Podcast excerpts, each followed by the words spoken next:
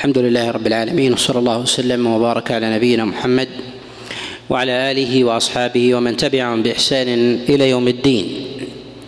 أول أحاديث هذا المجلس هو حديث أبي أمامة عليه رضوان الله أن رسول الله صلى الله عليه وسلم إذا سمع المؤذن يقول قد قامت الصلاة قال أقامها الله وأدامها.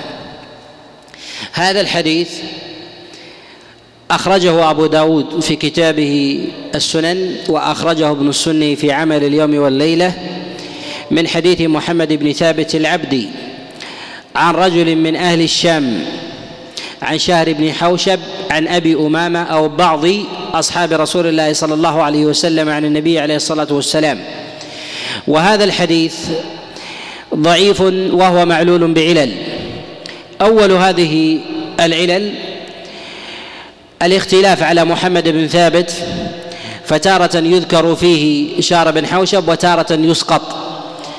رواه عن محمد بن ثابت سليمان بن داود العتكي ورواه أبو الربيع الزهراني كلاهما عن محمد بن ثابت عن رجل من أهل الشام عن شار بن حوشب عن أبي أمامة أو بعض أصحاب رسول الله صلى الله عليه وسلم.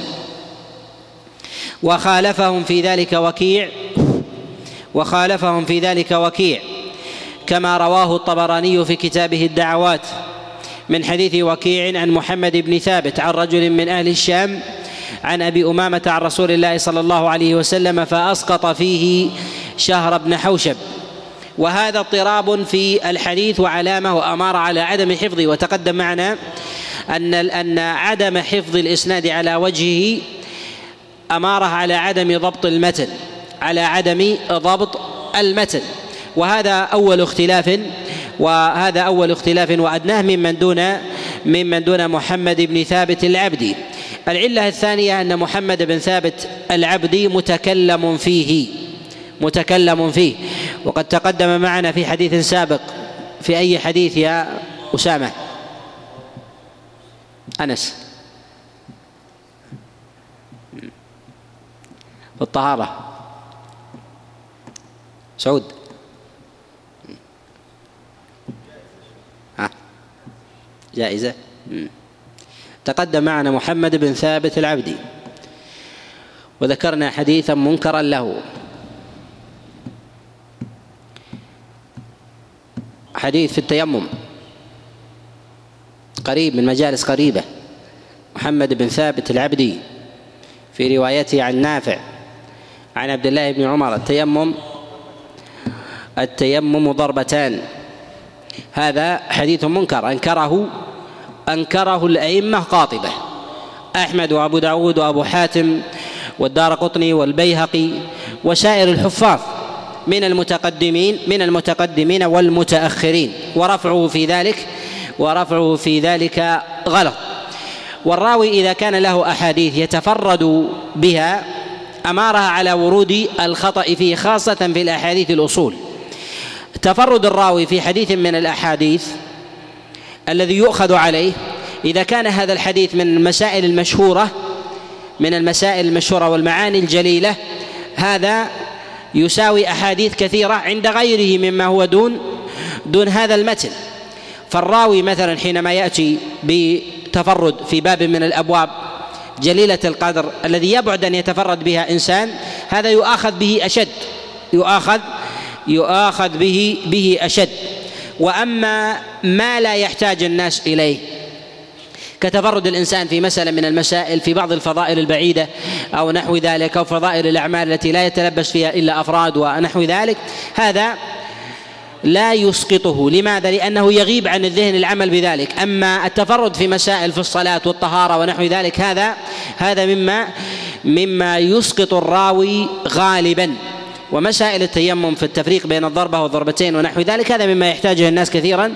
ولا يخلو الإنسان في كثير من الأحيان من الحاجة إلى التيمم خاصة في الأزمنة الغابرة. خاصة في الأزمنة الغابرة فإنهم كانوا يتيممون كثيرا ففي كل أسفار ونحو ذلك لا يحملون معهم الماء. في خلاف في زمننا فإن الماء متيسر ولو لم يحمله الإنسان في حله في حله وترحاله. وهذا الحديث تفرد به محمد بن ثابت العبدي. ومحمد بن ثابت العبدي ضعيف ضعيف. وهذا الحديث الذي تفرد به منكر. وشيخه في ذلك شيخه في ذلك مجهول. شيخه في ذلك مجهول. ومحمد بن ثابت ومحمد بن ثابت في تفرده أو في روايته لهذا الخبر لم يصرح بهذا الشيخ. وكذلك أيضا هذا الشيخ يرويه عن شهر بن حوشب. شهر بن حوشب من الرواة الذين قد اختلف فيهم كلام العلماء. فجاء عن ابن عون كما رواه النظر.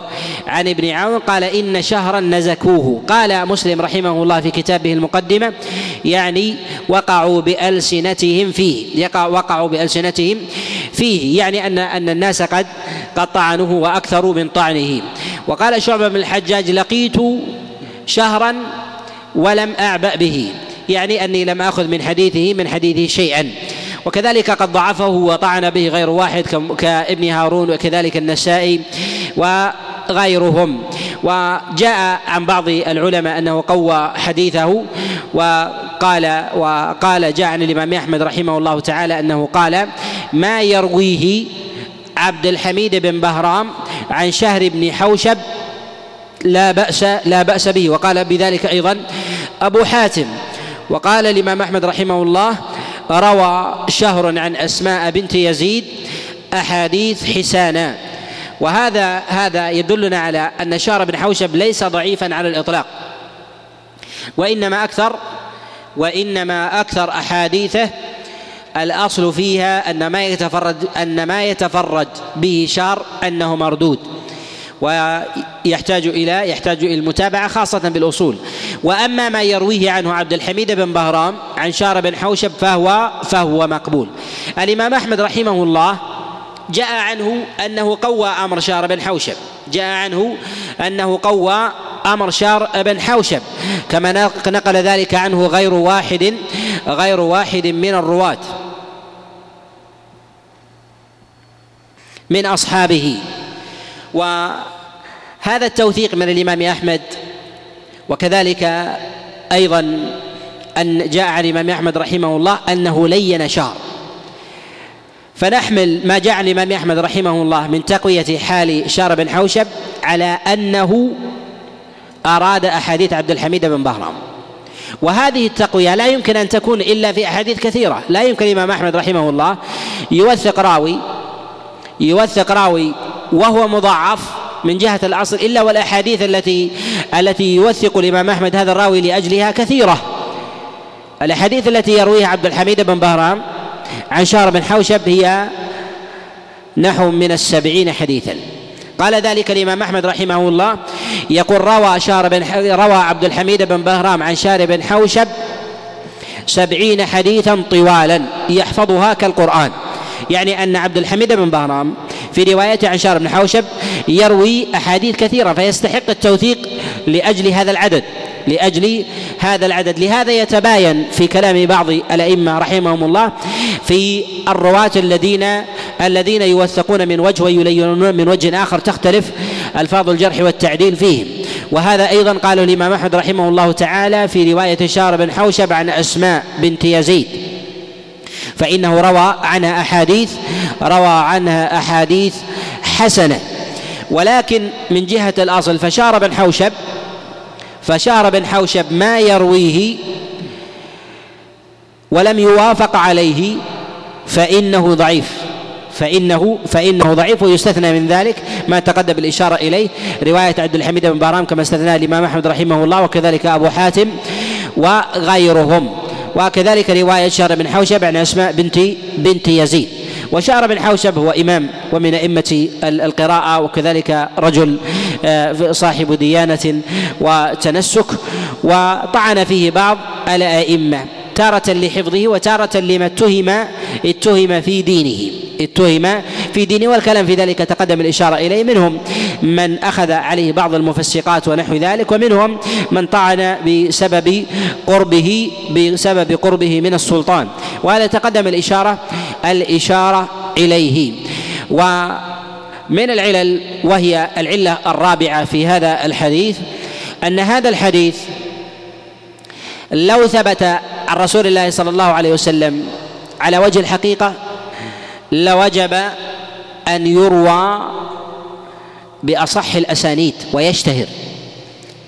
وهذا المتن لا يحتمله مثل هذا الإسناد. لا يحتمله مثل هذا الإسناد. النبي صلى الله عليه وسلم كما في هذا الخبر يروى عنه أنه إذا سمع المؤذن يقول قد قامت الصلاة قال أقامها الله وأدامها. وبقية ألفاظ الأذان يقولها كما هي. كما جاء في حديث عبد الله بن عمر. هذا يلزم أن يشتهر أو لا؟ يلزم أن يشتهر. من يعل هذا الحديث؟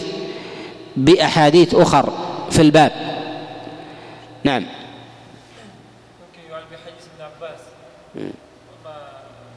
دعاء الليل في قيام الليل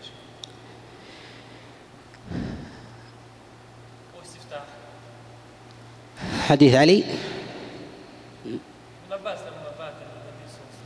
وسلم اللهم اجعل في قلبي نورا وفي سمعي نورا.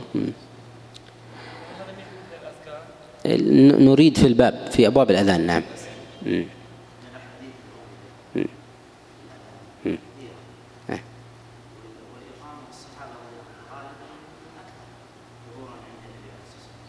في الإقامة.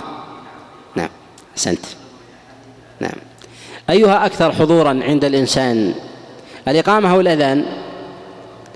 الإقامة الأذان الناس أوزاع كل في داره أما عند الإقامة فالناس مجتمعون. فينبغي أن ترد الترديد في الأذان أكثر أكثر في الإقامة أكثر من الأذان. لماذا؟ لأنها تشاهد أكثر من غيرها. تشاهد أكثر من غيرها. ولهذا نقول إن هذا الحديث مع نكارته إسنادا منكر منكر متنا. والأحاديث التي جاءت عن رسول الله صلى الله عليه وسلم في الترديد في الأذان كثيرة. وفي الصحيحين حديث أبي سعيد الخدري وهو في صحيح البخاري ومسلم. وكذلك حديث معاوية وجاء من حديث أيضا عبد الله بن عمر وجاء من حديث جابر وغيرهم عليهم رضوان الله في الترديد. وجاء أيضا من حديث عمر بن الخطاب عليه رضوان الله تعالى الترديد خلف خلف المؤذن. وهذا جاء عن رسول الله صلى الله عليه وسلم ونقله الصحابة واشتهر. والاذان لو كان النبي عليه الصلاة والسلام يفعله والصحابة أيضا يفعلون لنقل عنهم. لأن الناس في حال الأذان في الغالب أنهم في الغالب انهم متف... انهم متفرقون. وأما بالنسبة لي... للأذان وأما بالنسبة للإقامة فإنهم في حال اجتماع يجتمعون فيسمع بعضهم بعضا في حال في حال الترديد خلف خلف المقيم. وأما بالنسبة ل وأما بالنسبة لهذه اللفظة فيما جاء عن رسول الله صلى الله عليه وسلم هنا في قوله أقامها الله ودام وأدامها فيه إضافة لو قلنا بمشروعية الترديد للزم أن استثناء هذه اللفظة في قوله قد قامت الصلاة أنها ترد بعد ثبوت الأصل. بعد ثبوت الأصل بمثله أو أقوى منه. وثبوت الأصل هو الترديد في حال الإقامة. فيأتي الاستثناء في نص في نص مشابه آخر. مثله أو أقوى أو أقوى منه. وهذا من علامات نكارة نكارة هذا المتن. كذلك أيضا أحاديث كثيرة جاءت عن رسول الله صلى الله عليه وسلم. ومنها ما أشار إليه الأخ وهو أن النبي عليه الصلاة والسلام ينقل من أقواله وذكره ما يفعله النبي عليه الصلاة والسلام ما هو أقل من ذلك. الإقامة يشهدها عامة الصحابة وعامه وعامة من يحرص على صلاة الجماعة يشهد يشهد الإقامة. وهذا إذا نقل عن رسول الله صلى الله عليه وسلم ما هو دونه واستفاض أذكار الصباح والمساء. ما ما يذكره الإنسان في صلاة الليل بل في دعاء السجود الذي لا يكاد يسمعه أحد إلا من دنا من الإنسان. كذلك أيضا في ذكر الإنسان لبعض الأحوال العارضة ونحو ذلك من ذكر مثلا من ذكر عند طعام وذكر مثلا عند دخول المسجد ونحو ذلك. الإنسان في الغالب أنه يدخل المسجد وحده وقد يصاحبه واحد أو يصاحبه اثنين ونحو ذلك. ومثل هذا ومثل هذا نقل عن رسول الله صلى الله عليه وسلم وكذلك عن أصحابه قولا قولا وعملا. وهذا مما ينبغي أن يشتهر ما هو ما هو أقوى منه بالأسانيد في أحاديث هذا الباب لو صحت. ولهذا نقول إن الأحاديث في أبواب الأذان وكذلك في غيره من هذه المسائل علامة على نكارة على نكارة هذا على نكارة هذا الحديث. الحديث الثاني الحديث الثاني في هذا الباب هو حديث سهل بن معاذ بن أنس عن أبيه أن رسول الله صلى الله عليه وسلم قال إذا سمعتم المؤذن يثوب للصلاة فقولوا مثل ما يقول. وهذا فيه من الدلالة ما تقدم الإشارة إليه. هذا الحديث حديث أخرجه الإمام أحمد رحمه الله من حديث عبد الله بن لهيعة عن زبان بن فائد عن زبان بن فائد عن سهل بن معاذ عن أبيه. عن رسول الله صلى الله عليه وسلم. وهذا الحديث منكر أيضا. هذا الحديث منكر. تفرد به زبان بن فائد ويرويه عنه عبد الله بن لهيعة وقد توبع عليه. تابعه رشدين بن سعد عن زبان بن فائد عن سهل بن معاذ بن أنس عن أبيه عن رسول الله صلى الله عليه وسلم. وعبد الله بن لهيعة ورشدين بن سعد ضعفاء. وزبان بن فائد قد تفرد بهذا تفرد بهذا الحديث عن سهل بن معاذ. وزبان بن فائد قد تكلم فيه غير واحد وهو منكر وهو منكر الحديث وقد طعن فيه غير واحد من الأئمة كابن حبان وكذلك يحيى بن معين وغيرهم. ولا يتفرد بشيء ويكون مقبولا لا يتفرد بشيء ويكون مقبولا. وكذلك سهل بن معاذ سهل بن معاذ في روايته عن أبيه نكارة في روايته عن أبيه نكارة. أشار إلى هذا أشار إلى هذا يحيى بن معين رحمه الله كما في كتابه كما في كتابه التاريخ. وهذا الحديث في الذكر أو الترديد خلف المقيم أو في التثويب للصلاة فيه من الدلالة ما تقدم وكذلك أيضا مع الطعن في إسناده فإن متنه منكر ويعل بما أعل به ويعل بما أعل به من الأحاديث من في من علل متنية في الحديث السابق. وعلى طالب العلم كما تقدم الإشارة إليه مرارا أن يستحضر الإنسان محفوظه فيما تقدم الإشارة إليه مرارا محفوظه في الباب وكذلك في غيره مما هو أولى مما هو أولى منه أن ينقل. لا يعل الإنسان الحديث بحديث واحد وإنما يعله بمجموع الأحاديث التي ترد عن رسول الله صلى الله عليه وسلم. ينظر في السنن التي نقلت عن النبي عليه الصلاة والسلام. ينظر في اليوم والليلة وكذلك أيضا في الأسبوع وفي الشهر وكذلك في السنة. فإذا استفاض عن رسول الله صلى الله عليه وسلم شيء من الأعمال الحولية أو الشهرية أو الأسبوعية أو اليومية وهي أقل من ذلك. والتثويب الأذان يكون في اليوم والليلة. خمس مرات. وعلى هذا جاء وعلى هذا ينبغي أن يأتي عن رسول الله صلى الله عليه وسلم أكثر وأوفر من الأعمال التي يفعلها النبي عليه الصلاة والسلام في اليوم مرة أو مرتين فضلا عن الأشياء التي تأتي في الشهر أو تأتي في الأسبوع كما يفعله رسول الله صلى الله عليه وسلم مثلا في يوم الجمعة وأضرابها. لهذا نقول إن هذا إن إن مجموع الأحاديث الواردة عن رسول الله صلى الله عليه وسلم في ذلك تدل على نكاره على نكارة هذا هذا المتن. الحديث الثالث عن رسول الله صلى الله عليه وسلم وحديث عبد الله بن عمر عليه رضوان الله تعالى أن بلالا أذن بليل فأمره رسول الله صلى الله عليه وسلم أن يرجع وأن ينادي ألا إن العبد نام ألا إن العبد نام. يشير إلى إلى بلال يعني أنه أخطأ في وقت أذانه. هذا الحديث رواه أبو داود في كتابه رواه أبو داود في كتابه السنن وغيره وقد رواه أيضا الدار قطني والطبراني والبيهقي وغيرهم. من حديث نافع عن عبد الله عن عبد الله بن عمر. تفرد به حماد بن سلمة عن أيوب عن نافع عن عبد الله بن عمر. وتفرد حماد بن سلمة بهذا الحديث منكر. وتفرد حماد بن سلمة بهذا الحديث منكر. وذلك من وجوه أن الثابت عن بلال عليه رضوان الله تعالى كما تقدم الإشارة إليه أنه كان يؤذن بليل. الثابت عن بلال أنه كان يؤذن يؤذن بليل. وذلك ما جاء عن رسول الله صلى الله عليه وسلم في قوله إن بلالا يؤذن بليل. فكلوا واشربوا حتى يؤذن ابن أم مكتوم. فرق بين هذا الحديث وهذا وهذا الحديث. وذلك أن حديث حديث هذا الباب وحديث حماد بن سلمة عن أيوب عن نافع عن عبد الله بن عمر في أن النبي عليه الصلاة والسلام عاتب بلالا على أذانه وأمره أن يرجع. وهذا الحديث وحديث عبد الله بن عمر في قول رسول الله صلى الله عليه وسلم إن بلالا يؤذن بليل فكلوا واشربوا حتى يؤذن ابن أم مكتوم إشارة إلى الاستمرار. وعدم وعدم الإنكار أي أنه كلما يؤذن بلال أذانا بليل فكلوا واشربوا حتى يؤذن أم مكتوم. ولم يأمر النبي عليه الصلاة والسلام بلالا أن يرجع وهذا علامة علامة على النكارة. عامة الأئمة على نكارة هذا الحديث. في قول رسول الله صلى الله عليه وسلم ألا إن العبد نام. والعلة في ذلك يتفرد حماد بن سلمة في هذا الحديث. وقد خولف فيه وقد خولف فيه كما يأتي الكلام عليه الحديث معلول بجملة من العلل. أولها تفرد حماد بن سلمة عن سائر الرواة في من يرويه. فقد رواه فقد رواه الدراوردي عن عبيد الله عن نافع عن عبد الله بن عمر أن عمر بن الخطاب عليه رضوان الله تعالى قال لمؤذن له اسمه مسروح.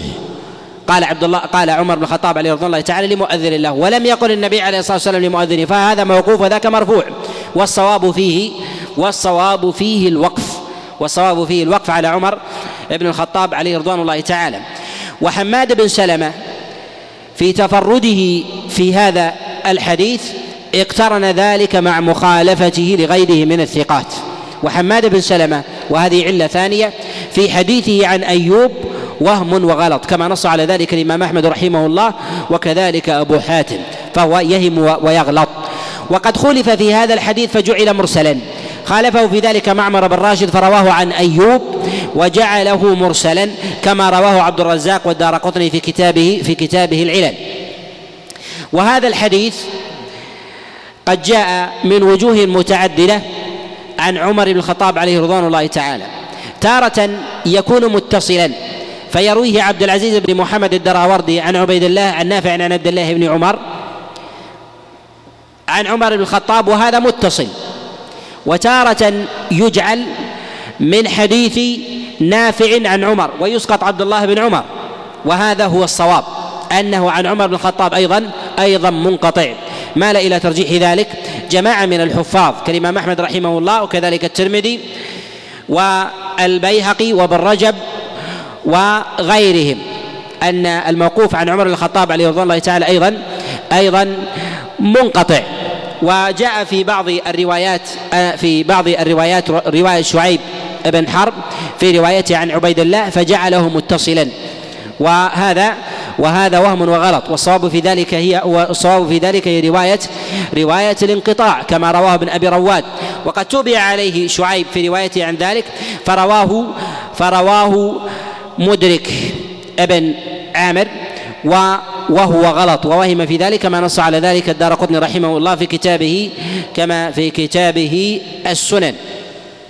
وهذا الحديث جزم الإمام أحمد رحمه الله والترمذي وكذلك ابن حبان والأثرم والعقيلي والحافظ بن رجب وكذلك بن عبد البر والبيهقي والدار قطني وغيرهم على أنه من مفاريد أنه من مفاريد حماد بن سلمة.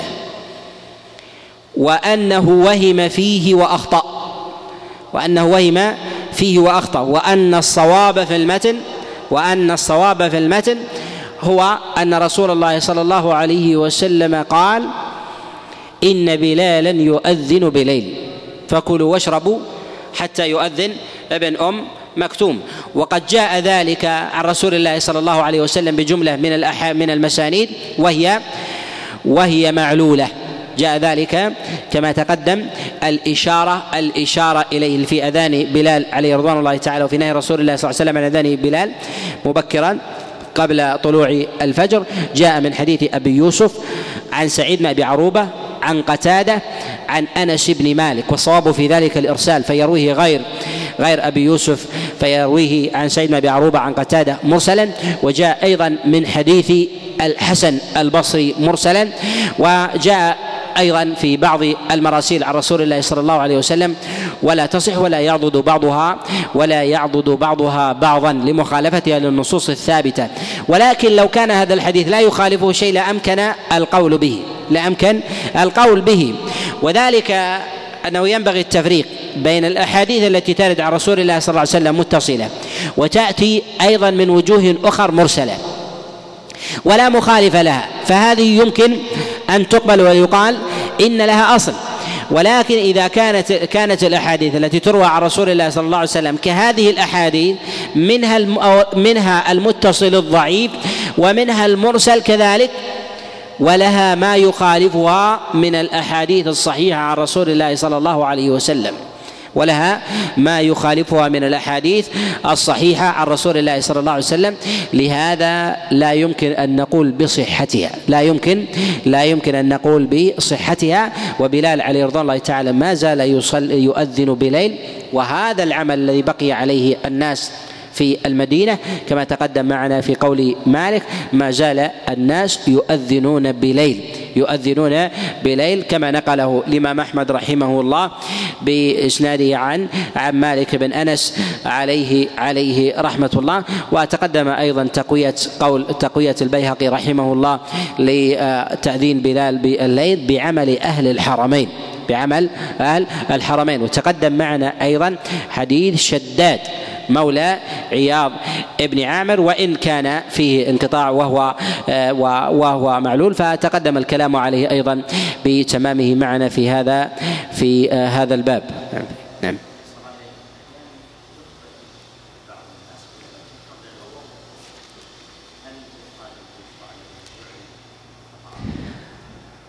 يقول أحيانا يخطئ بعض المؤذنين. فهل يشرع له أن يبين خطأه؟ نقول نعم. خاصة إذا كان الخطأ يجر الناس إلى الفساد أو أو مثلا العمل المخالف العمل المخالف. كشخص مثلا قال على المنبر إن هذا الفعل حلال واهم. فجاءه شخص قال إنك قلت حلال قال لا أنا قلت حرام. يجب عليه أن يعلن ذلك. يجب عليه أن يعلن ذلك.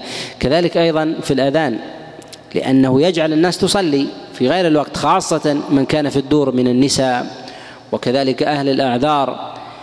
ويشتد ذلك إذا اجتمع مع مع الصلاة الصيام. إذا اجتمع مع الصلاة الصيام خاصة في الفطر في صلاة في صلاة المغرب. في صلاة المغرب لأن الإنسان ربما يفطر أو المرأة تفطر ثم تصلي وبقي من الوقت. فاجتمع حينئذ إفساد الصيام وإفساد إفساد الصلاة. لهذا نقول ينبغي له أن يرجع وأن ينبه الناس سواء في قوله إن بإعلان مثلا إن الوقت باقي وإن الأذان كان مبكرا أو خطأ ونحو ذلك بالمعلومة التي تصل التي تصل إلى الناس بهذا. الحديث الرابع من الأحاديث هو حديث عبد الله بن بريدة عن أبيه عليه رضوان الله أن رسول الله صلى الله عليه وسلم قال بين كل أذانين صلاة خلا المغرب وهذا الحديث حديث منكر. هذا الحديث حديث منكر. تفرد به حيان بن عبيد الله. تفرد به حيان ابن عبيد الله. يرويه عن عبد الله بن بريدة عن أبيه. وهذا الحديث خالف فيه حيان الثقات في الإسناد والمتن. أما من جهة الإسناد فخالف فيه حيان من يرويه عن عبد الله بن بريدة. رواه عن عبد الله بن بريدة كهمس وعبد المؤمن وسعيد الجريري يروونه عن عبد الله بن بريدة عن عبد الله ابن مغفل. عن عبد الله ابن مغفل. فجعلوه من حديث عبد الله بن مغفل وأما حيان بن عبيد الله فجعله عن عبد الله بن بريدة عن أبيه. سلك فيه المجرة. سلك فيه المجرة وتقدم معنا ما هي المجرة؟ نعم. الجادة المطروقة. لهذا نقول عن الأفلاك مجرة لانها تجري على نسق على نسق واحد. غالب روايات عبد الله بن بريدة هي عن أبي عبد الله بن بريدة عن أبي عبد الله بن بريدة عن أبي وهكذا. فالراوي الذي لا يضبط يجري على هذه القاعدة فسلك المجرة والغالب في ذلك فسلك المجرة والغالب والغالب في ذلك. ولكن الحفاظ إذا خالفوا المجرة فهذا أمارة على على ضبطهم. وكذلك من دونهم إذا خالفوا المجرة علامة على أنه ما جرى على لسانه غلطا. أنه خالف متعمدا. خالف خالف متعمدا. خاصة إذا كان يعرف رواية الراوي على وجه من الرواة المكثرين. من الرواة المكثرين. هذا بالنسبة لخطأ الإسناد. أما بالنسبة لخطأ المتن فهذا المتن فيه استثناء المغرب. هذا المتن فيه استثناء المغرب. واستثناء المغرب منكر. استثناء المغرب منكر. والأحاديث التي جاءت في حديث عبد الله بن بريدة عن عبد الله ابن مغفل ليس فيها استثناء المغرب. بين كل آذانين صلاة بين كل آذانين صلاة. وقد جاء من وجه آخر مما تعل به رواية حيان بن عبيد الله أنه جاء في رواية عبد الله بن المبارك عن كهمس عن عبد الله بن بريدة عن عبد الله بن مغفل أن ابن بريدة يعني عبد الله كان يصلي قبل المغرب. كان يصلي قبل المغرب. وهذا فيه إشارة إلى أن ذلك الراوي الذي روى الحديث عنه حيان بن عبيد الله صلى قبل المغرب. فكيف يروي حديثا ويستثني المغرب ثم يصلي؟ ثم يصليها. وأعله بذلك ابن خزيمة رحمه الله في كتابه الصحيح. أعل المرفوع بالموقوف على عبد الله بن بريدة. وهذا تقدم مع معنا مرارا أن الراوي إذا ثبت عنه حديث أو إذا جاء عنه حديث وثبت موقوفا عنه خلافه فإن ذلك يعل المرفوع. يعل المرفوع. لماذا؟ لأن الصحابة وكذلك أجلة التابعين وأهل الفقه لا يخالفون. لا يخالفون لا يخالفون ما يروونه. بل إننا نقول إن روايته للحديث المرفوع يدل على أن لديه علم عن رسول الله صلى الله عليه وسلم بهذا الحديث. ولو جاء منفردا عنه وخالف الحديث المرفوع لقلنا أنه لم يعلم بهذا المروي. أو روى غيره حديثا وجاءه حديثا جاء بفعل يخالف ذلك الذي يرويه غيره عن رسول الله صلى الله عليه وسلم لقلنا إنه لا يعلم أو لم يبلغه الدليل أو لم يبلغه الدليل. وذكر الاستثناء في هذا الحديث منكر. أنكره جماعة من الأئمة كابن حبان والدار قطني والبيهقي وكذلك الأثرم والحافظ بن رجب وآخرين.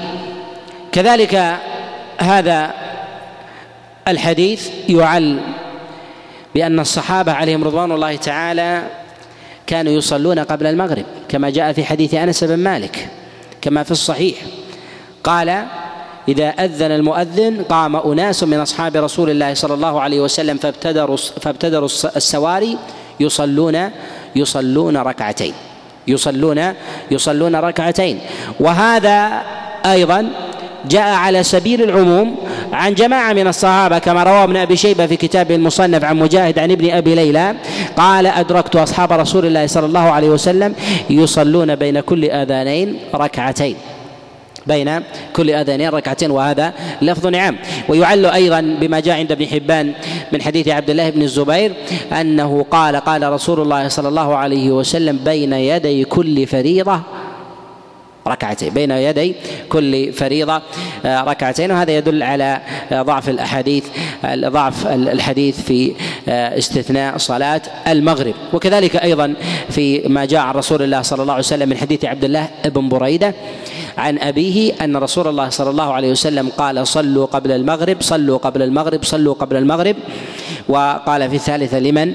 لمن شاء. وهذا يدل على أن هذا الفعل آه، جاء عن أصحاب رسول الله صلى الله عليه وسلم وجاء أيضا عن عبد الله بن عمر وأبي بن كعب وأبي أمامة وغيرهم من أصحاب رسول الله صلى الله عليه وسلم.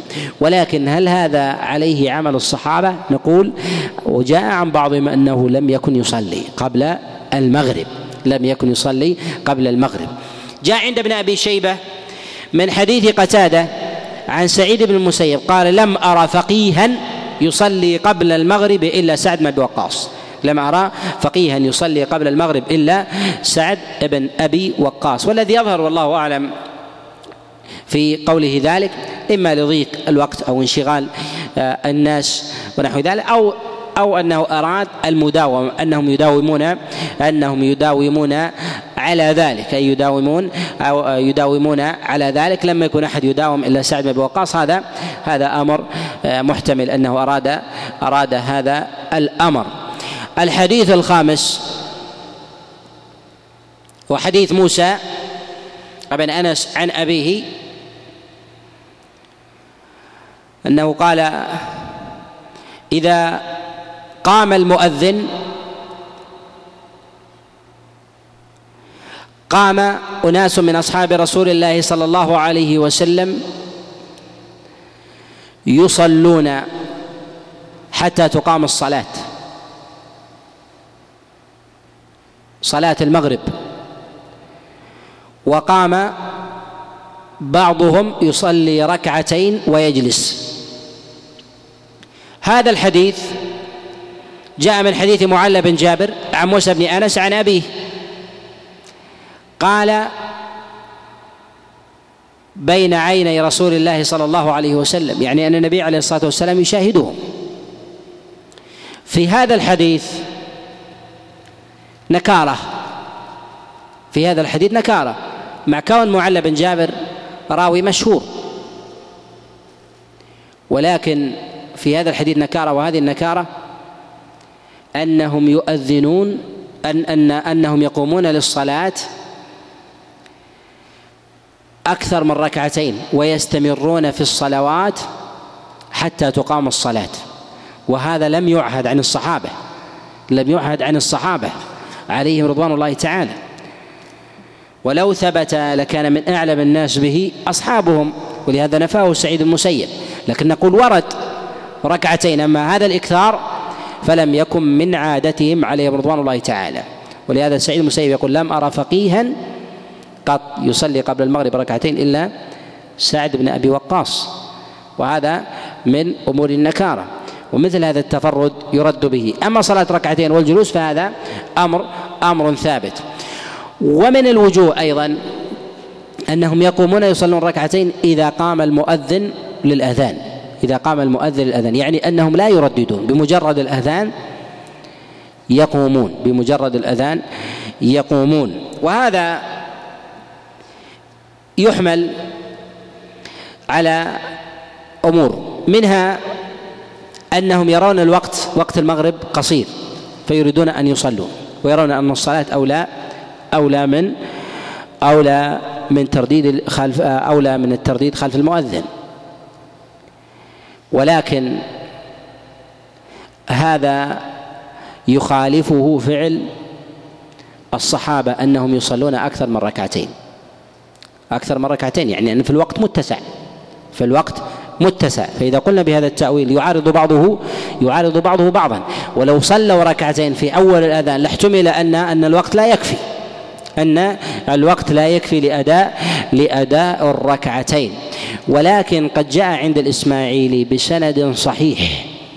جاء عند الإسماعيلي من, من سند صحيح أنه قال إذا أخذ المؤذن بالأذان قام لباب أصحاب رسول الله صلى الله عليه وسلم يعني الكبار والصفوة من أصحاب رسول الله صلى الله عليه وسلم بالصلاة. يعني قالوا بصلاة الركعتين يعني في حال في حال الأذان. و ويحتمل أنهم أن أن فعلهم ذلك إما أن يكون هذا على فعل الاستثناء لا على سبيل الدوام. ويحتمل أيضا أنهم يرون أن الترديد خلف المؤذن مفضول والأجر فيه والأجر فيه دون أجر الاتيان بصلاة الركعتين. ولكن نقول إن إدراك الإنسان للصلاة بعد الأذان مع اتيانه بالترديد أولى وهو الجمع بين وهو الجمع بين الأمرين. وفي هذا دليل على أن الترديد خلف المؤذن في الأذان أنه سنة أنه سنة وليس وليس بواجب. وهذا عليه إجماع الصحابة عليهم رضوان الله. هذا عليه إجماع الصحابة عليهم رضوان الله.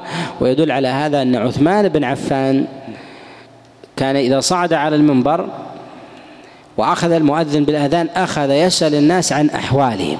أخذ يسأل الناس عن أحواله وهو وهو على المنبر. والمؤذن يؤذن. وهذا والصحابة عليهم رضوان الله تعالى الذين يكونون أمامه هم العلية من الصحابة الكبار. كعلي بن أبي طالب وكذلك أيضا الأخيار كعبد الله بن عباس وعبد الله بن عمر وأضرابهم من علية أصحاب رسول الله صلى الله عليه وسلم وفقهائهم. يعني أن المسألة مسألة مسألة إجماع يعني أن المسألة من مسائل الإجماع.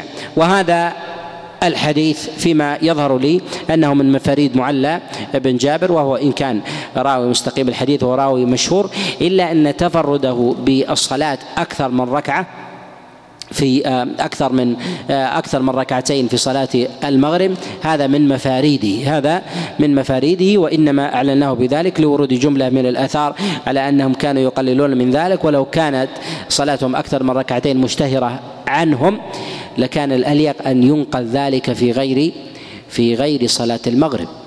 ينقل في غيرها صلاة العشاء في صلاة الظهر في صلاة العصر ونحو ذلك. وهي أولى وهي أولى بالنقل. لهذا نقول إن صلاتهم في حال الأذان الأمر في ذلك سائغ والمثل ليس فيه نكارة. أما آه، كذلك أيضا آه، وأما صلاتهم في آه، في بعد في بعد دخول المغرب أكثر من ركعتين هذا منكر. هذا منكر لما تقدم الإشارة عليه ونكتفي بهذا القدر. نعم. من روى هذا الحديث؟ نعم. الحديث أخرجه الدار قطني. الحديث أخرجه الدار قطني. في سؤال يا إخوان. نعم.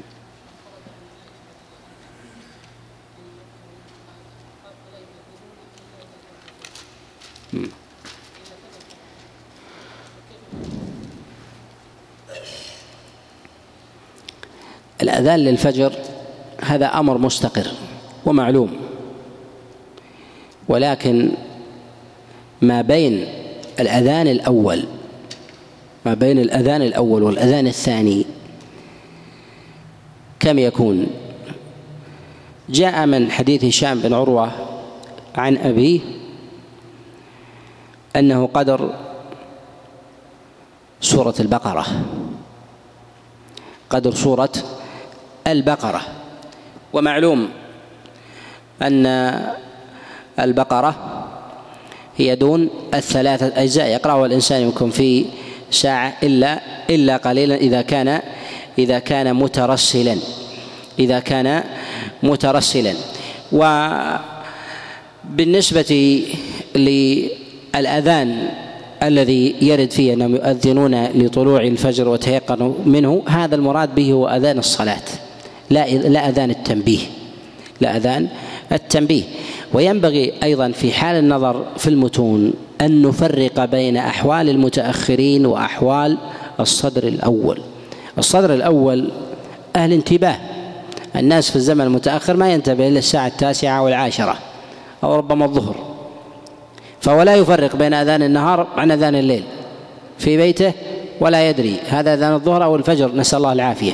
ولكن الأوائل يعلمون ينامون مع صلاة العشاء صلوا العشاء ثم ينامون يميزون ويدركون ثم كانت الأمور ظلمة يدركون أن هذا الأول أو أو الثاني فالنكارة في في مثل هذا لا تستقيم ولهذا نقول إنما ورد من أذانهم في حال طلوع الفجر مراد به الأذان الثاني والأذان الذي يكون بالليل إنما هو للأذان الأول. وجاء في بعض الأحاديث إن ما بين الأذان الأول والثاني وقدر ما ينزل هذا ويصعد هذا. نعم.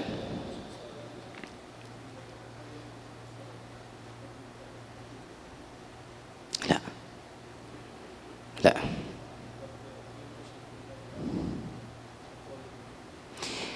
يقول هل ثبت خبر في ترديد خلف المؤذن في الإقامة نقول لا.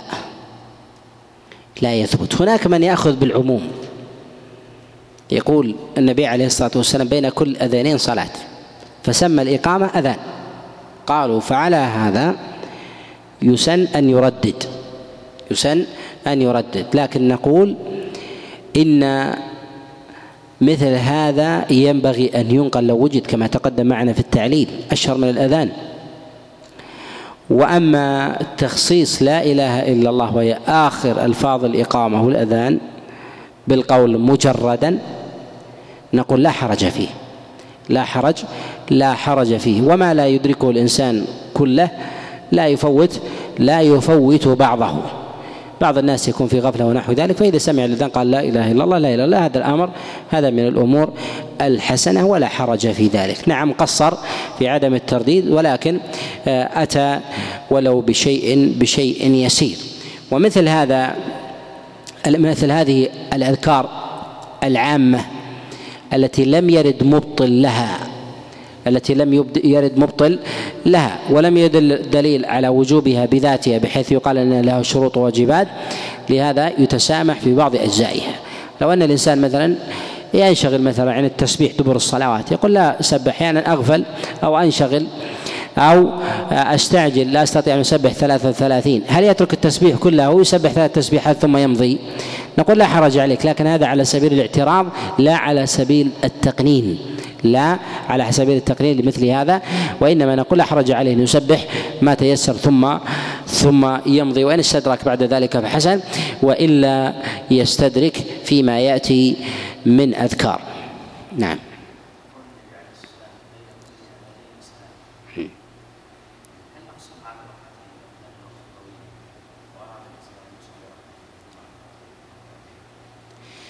يقول في قول النبي عليه الصلاة والسلام بين كل أذانين صلاة.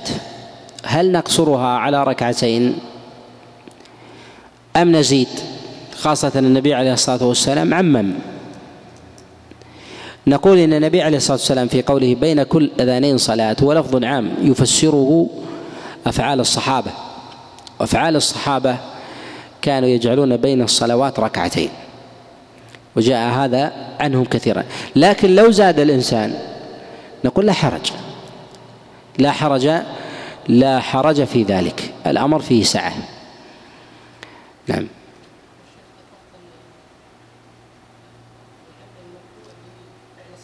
نعم.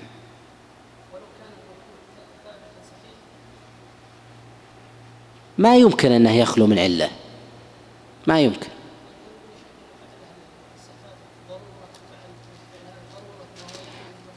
يقول هل في مخالفة إعلان المرفوع بالموقوف؟ لماذا لا نقول أن الصحابي فعل ذلك ضرورة لحاجة؟ الذين ينقلون هذه الأفعال وهذه الفتاوى عن الصحابة ليسوا جهالا هم أصحابهم فقهاء يعرفون حال الضرورة من أحوالهم ويعرفون ما ينقل عنهم على سبيل الفتية والرأي. ولهذا ما ينقل عن الصحابة عليهم رضوان الله ويسكت عنه فهو فتوى ودين عندهم. لا الدين على سبيل العموم لأن هؤلاء الصحابة مع فضلهم وإمامتهم لا يشرعون. ولكن نعل المرفوع بالموقوف لأنه لو ثبت المرفوع لكان أولى ما يقول به وذلك الصحابي. ولهذا ولهذا نقول إنه ما من حديث يروى عن رسول الله صلى الله عليه وسلم ويخالفه الراوي له من الصحابة ويخلو من مغمز في أحد رواته. من مغمز في أحد في أحد رواته أو اضطراب في إسناده أو خلل في متنه. يكون فيه فيه شيء غير تلك القرينة التي خالف فيها الصحابي مرويه. ويقل هذا شيئا فشيئا في التابعين ومن ومن بعدهم. والله أعلم وصلى الله وسلم وبارك على نبينا محمد.